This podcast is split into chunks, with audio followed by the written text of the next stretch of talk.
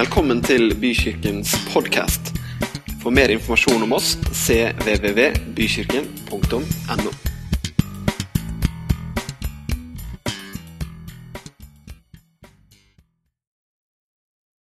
Det er en historie i Bibelen som eh, kanskje er en av de historiene som eh, man snakker aller mest ut fra. Det er en historie om en mann som har to sønner. Den ene av sønnene sier, 'Kan ikke jeg bare få det som jeg skal få da, når du dør, pappa?' 'Kan jeg ikke bare få arven? Kan ikke jeg bare få min del?' For jeg har nemlig lyst til å gjøre noe helt annet. Faren, han gjør det. Ok, han deler, og han får arven. Og denne ene sønnen han drar til et land langt borte. Det står ikke i Bibelen hvilket land, men det står at det var et land langt borte. Og der står det i Bibelen at han lever et vilt liv. Han sløser bort arven, og etter en liten stund, når alt er brukt opp, når vennene er borte osv., så, videre, så går han fra å være partyløve til å bli en som passer på grisene ute på jordet, og som deler maten med dem. Og Vi skal lese noen vers. Dere ser hele historien på veggen, men vi skal lese fra vers 17. For da er han liksom fra å være den kuleste kiden, til, så, har å, så har han endt opp som den som ikke engang vet hva han skal spise. I vers 17 så står det Da kom han til seg selv og sa Hvor mange leiekarer hjemme hos min far har ikke mat i overflod, mens jeg går her og sulter i hjel? Jeg vil bryte opp og gå til min far og si, Far, jeg har syndet mot himmelen og mot deg. Jeg fortjener ikke å være sønnen din, men la meg få være en av leiekarene dine. Dermed brøt han opp og dro hjem til faren. Resten av historien er at faren går der hjemme og venter på denne her sønnen. Man får et levende inntrykk av at han stadig er på utkikk etter denne sønnen. Så det står videre i historien at mens han ennå var langt unna, så så han han og sprang han i, møte. Og sønnen som hadde planen klar, det har vi allerede lest, han hadde tenkt at jeg skal bare si sånn og sånn og sånn, så kanskje jeg liksom kan i hvert fall få en sånn tjenerstatus. liksom. Det er jo bedre å være tjener hjemme, hos, hjemme, hjemme på gården enn det det er å passe griser i et fremmed land. Er det noen som er enig i det? kan jo høres ut som det var et godt alternativ hvis man tar situasjonen inn i betraktningen. Og han har planen klar. Han har ikke noe tanke om at det blir full gjenforening. Han har ikke noe tanke om at det blir fest. Han har ikke noe tanke om denne velkomsten i det hele tatt. Han har tenkt å komme som en hund med halen mellom beina, med hodet bøyd ned og aller nådigst be om tilgivelse og kanskje få lov til å flytte inn på arbeidsbrakka med de andre. Klarer du å se det for deg? Det er en sterk historie. Har du noen gang hatt sånn skikkelig hjemlengsel? Sånn at du liksom det, er, altså det oppsluker deg helt. Det er, liksom, det, er, det er, det som står i hodet på deg. Det er å komme seg hjem. Liksom. Hadde jeg bare vært hjemme. Mange av oss smaker jo litt ekstra på hjemlengselfølelsen akkurat i disse dager, ikke sant? I wanna go home for Christmas, synger vi. I wanna go home this year. Nesten så tårene kommer. Jeg har lyst til å komme hjem. Eller kanskje du har vært i en annen situasjon. I en sånn forsamling som det her, så er det sikkert mange som har vært på leir. Husker du første gang du var på leir? Du hadde stålsatt deg for en uke uten mamma og pappa, og det gikk syv og en halv time. Litt grann inn etter leggetid, og da kom tårene. Jeg har vært, jeg har vært leder på leir mange år, så jeg vet, vet noe om hjemlengsel i den situasjonen. Eller kanskje du har vært utvekslingsstudent. Og du bare vet at det er faktisk åtte eller ni måneder til neste gang jeg får anledning til å møte mine kjære. Noen som kjenner seg igjen i det? Og så kommer du til noen sånne skjæringspunkt langs veien hvor hjemlengselen tar fullstendig av. Men heldigvis, da, så kan en telefonsamtale hjem og høre stemmen til mamma og pappa Det kan fjerne alt mulig. Hva er det man lengter etter når man har hjemlengsel? Man lengter etter det kjente, det kjære, der hvor du er kjent, og de kjenner deg, og du vet hvor alt er. Et sted hvor man er akseptert, hvor man er elska akkurat som den man er. Noen kan ha så sterk hjemlengsel at det føles som om det nesten ikke er mulig å bære over med det. Andre, det, andre ganger er det kanskje bare et vagt ønske. Men vet du hva? Det finnes en eh, hjemlengsel i alle mennesker som stikker dypere. En lengsel som er helt i vårt innerste vesen. Noe som sitter dypt. Noen bruker litt andre ord på det, kanskje, og sier at de går med en følelse av at noe mangler. Følelse av at man liksom ikke har kommet helt fram. En følelse av at det er litt tomt. En type hjemlengsel som har med identiteten vår å gjøre, som har med røttene våre, som har med vår tilhørighet å gjøre. Og ofte når denne hjemlengselen får lov til å få litt rom, så ender vi opp med de store spørsmålene i livet. Hvor kommer jeg fra? Hvorfor lever jeg egentlig? Finnes det noe etter døden? Det er ikke noe hemmelighet da, at jeg tror på Gud. Det var godt å vite at ingen ble kjempeoverraska nå. Jeg tror på Gud, og det er mange andre her også som tror på Gud. Og det er veldig mange mennesker som sier de tror på Gud, og som kanskje definerer Gud ut fra liksom sine preferanser. Eller sånn som kanskje de tenker at Gud burde ha vært. Men det som er kult, da, det er at Gud han er utrolig keen på at vi skal vite akkurat hvordan han er. Det syns jeg er litt kult. Altså, han, han, han, har jo mer rett til det enn noen av oss, altså, men han, han trer liksom fram og gjør seg tydelig kjent, ikke minst i Bibelen. En hel bok som liksom tydeliggjør hvordan han er, han, hvordan han tenker, hvordan han håndterer mennesker og møter situasjoner osv. Og, så og som om ikke det var nok, så kom Gud ned til jorda som et menneske for at vi skulle vite hvem han er. Jesus sier, 'Den som har sett Faderen, har sett meg'. Johannes sier, 'Vi så', så han snakker om Jesus, 'vi så hans herlighet'. Den herlighet som den enbårne sønn har fra Faderen. Full av nåde og full av sannhet. De som levde når Jesus kom til jord, de fikk sjokk. Ikke minst de religiøse. De fikk kjempesjokk. De trodde de visste alt om Gud. De trodde at fordi de kjente loven, og fordi de kjente profetene, og fordi de kunne alle forskriftene og visste hvordan alt skulle være, så tenkte de sånn er Gud. Men når Gud kom dit i kjøtt og blod, når han kom som et menneske i personen Jesus Kristus, så møtte de noe som overgikk, som var veldig annerledes enn det de hadde tenkt. Og Vi leser mange historier i Bibelen om hvordan de religiøse forståsegpåerne driver og tester Jesus på det ene og det andre området. Og Jesus han har alltid liksom en ny vri på det de har sagt. Og så viser han hvem Gud er.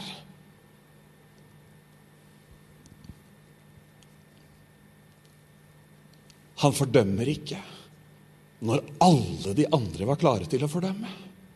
Han kaster ikke stein når alle de andre har en i hver hånd og et par andre klare liggende ved føttene. Han er full av nåde, full av kjærlighet. Hva er det egentlig vi tror om Gud? Hva er det egentlig vi tror på? Slapp av, nå kommer det ikke sånn der, eh, teologiens fulle bilde på 240 minutter, og du må sitte med notatboka. Slapp av. Det kommer ikke nå. Men hva er det egentlig vi tror på? Hvem er Gud? Vi kan si det på denne måten. Vi tror på en god Gud som har skapt alle ting, også deg og meg. Han er god. I apostlenes gjerninger så står det noe om denne Jesus som jeg akkurat har brukt noen ord å, å, å beskrive. Der står det at Jesus fra Nasaret ble salvet av Gud med hellig ånd og kraft og han gikk omkring overalt og gjorde vel. Og helbredet alle som var underkuet av djevelen, for Gud var med ham. En god Gud. Vi leste akkurat en historie om en god far. En Gud som ikke er ute etter å ta oss, en Gud som ikke er ute etter å kaste stein på oss. En som bryr seg om oss, hvordan vi har det, og som har skapt oss på en måte som gjør at det er full match mellom Gud og deg og meg. Har du tenkt på det? Har du noen gang opplevd å møte mennesker som du klaffer litt mer med enn andre? Ja. ja. Jeg har også det. Noen ganger så har jeg møtt folk, og så har jeg vært sammen med dem noen timer, og så er det liksom en eller annen sjelefrend du føler du har vokst opp sammen med og liksom gjort alt sammen med. Sånn er det mellom menneske og Gud. Sånn er det mellom deg og Gud. Vi er skapt i hans bilde. Vi er skapt til å være sammen med han. Vi er skapt til å leve livene våre sammen med han. Det er helt fantastisk, rett og slett. Men i ærlighetens navn, når vi ser rundt oss Alt er jo ikke bare godt. Er det det? En god Gud som elsker oss, og som har skapt oss. Men har du levd noen år, så vet du at alle er jo ikke snille. Og det er forunderlig hvor få mennesker man trenger i et rom for at det skal bli bråk. Og det er utrolig hvor kort avstand det noen gang kan være fra kjærlighet til krig.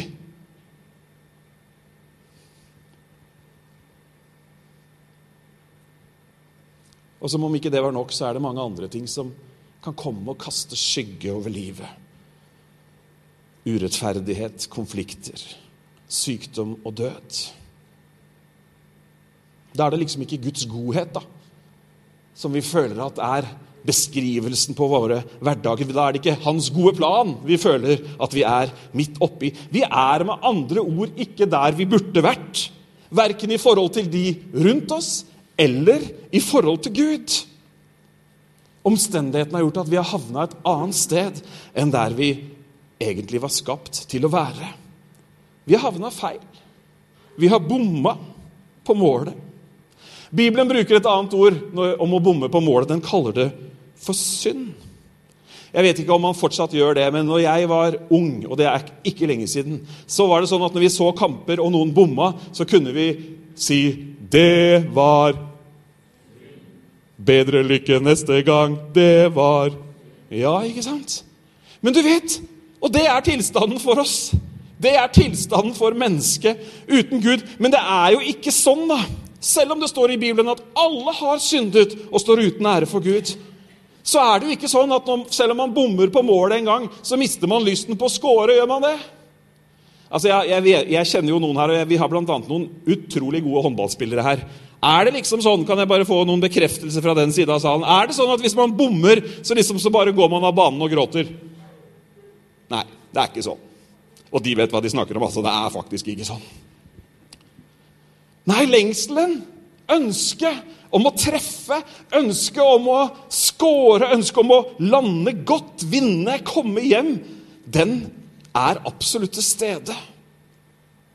Hjemlengselen den av det sterke slaget, den dukker opp uansett om vi som mennesker havner der vi havner. I brutte relasjoner, i konflikter. Så dukker allikevel den innerste lengselen opp. Den som kommer når vi endelig får litt tid i stillhet. Når vi våger å se oss sjøl i speilet og la spørsmålene få slippe til. Den hjemlengselen som ikke handler om barndomshjemmet eller hjemlandet eller om foreldre eller søsken. Den som er dypere. En åndelig lengsel. en som strekker seg helt til vår opprinnelige tilhørighet. De fleste har hørt om C.S. Lewis. En av vår tids Han regnes som det 20. århundrets viktigste og største apologet. Altså en som ut fra vitenskap og, og, og intellektuelle metoder forsvarer en tro eller en idé. Kjenner filmene. Narnia, ikke sant? Han hadde en barnetro. Ganske tidlig i ungdommen så begynte han å tvile på denne troen. Han ble ateist fortsatt å tenke over livets store mysterier og var i ateismen, forflytta seg videre til mystisismen som ung voksen student. Han fortsatte å ønske svar på livets store spørsmål. Han fortsatte å undersøke, og til slutt, så, eller i litt sånn voksen alder, så ble han professor og akademiker. Og etter hvert så ble han teist. Ikke ateist, men teist. Det er en som tror at det finnes noe guddommelig. Tror kanskje at det finnes en gud. Om ikke det er en med stor G, så finnes det i hvert fall noe guddommelig. Men han slutta ikke å tenke.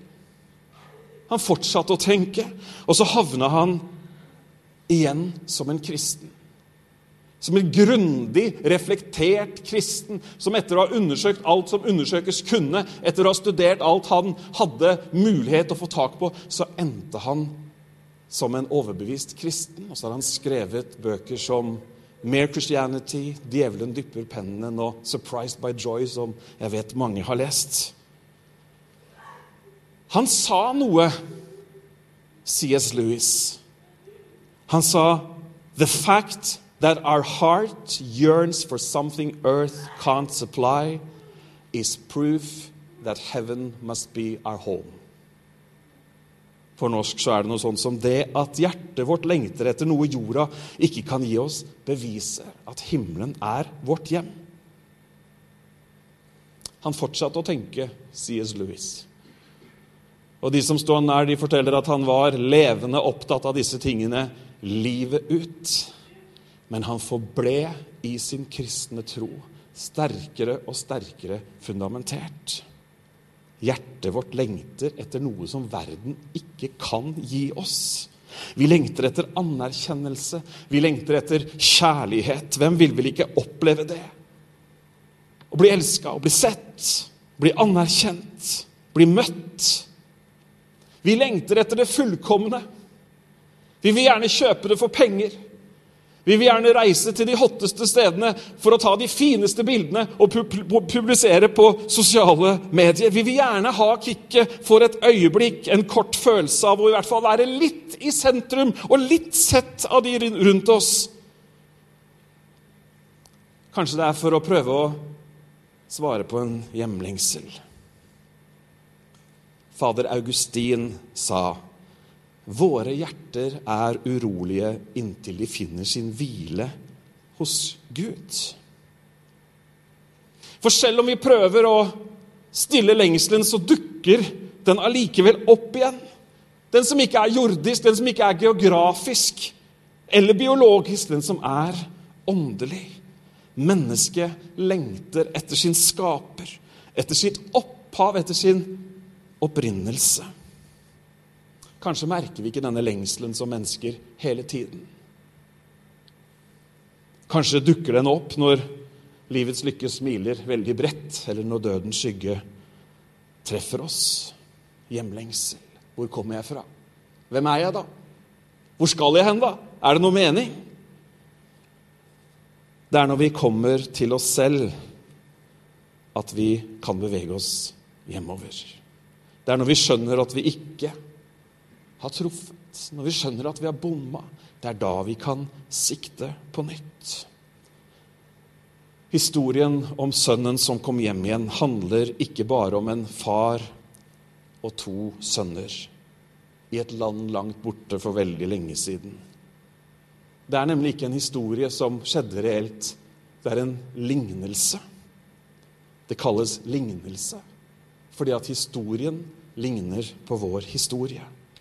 Sønnen som tror han vet hva han lengter etter, som går i den retningen, på den veien, med alt hva han har, med hele arven som innsats, så kaster han seg ut i Golfstrømmen. Han reiser bort fra det kjente, bort fra tilhørighet, bort fra far. Han ligner på deg, og han ligner på meg. Så bruker han pengene på det som frister, på det som kommer hans vei. Han ligner på oss. Så blir det stille. Det blir helt stille. Festen er slutt. Da kommer lengselen igjen. Spørsmålene. Han kom til seg selv. Han ligner på oss. Så går han hjem, og det som venter han, det er godt. Han har unnskyldningene klare. Han har en plan om å få bo på brakka sammen med de andre tjenerne. Men noe annet skjer. Jeg tror at vi alle bærer på en sånn eksistensiell lengsel. Nå holder bordet på å gå på utsida her. Jeg tror vi alle bærer på en eksistensiell lengsel, en grunnleggende lengsel etter Gud. Hjertet vårt lengter etter noe som denne verden ikke kan gi oss. Men vet du hva? Jeg er så glad for å si at det finnes et sted å gå til. Det går an å komme hjem. Det går an å slippe det man har. Det står om ham her at han brøt opp og gikk til sin far. Vi sier 'velkommen hjem' over disse gudstjenestene. Vi sier det egentlig over alle gudstjenestene. Vi sier det egentlig over hele bykirkens eksistens. Det handler om at du er velkommen hjem. Kanskje du kjenner deg igjen. Kanskje ditt hjerte lengter etter noe som du opplever at det er ingen som egentlig kan gi deg.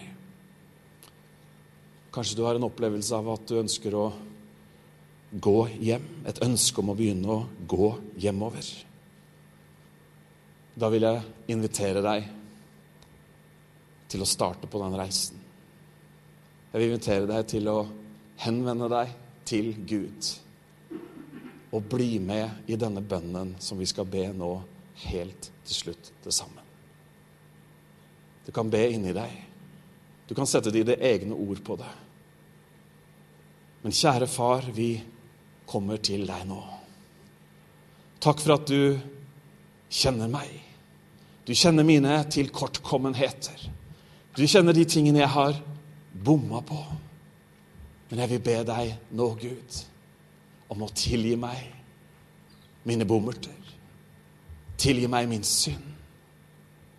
Jeg går mot deg, og jeg takker deg for at du tar imot meg med åpne armer. Og så gir du meg den statusen, den følelsen, den erfaringen av å være ønsket, sett og elsket. Takk for at jeg får komme inn i din familie. Amen.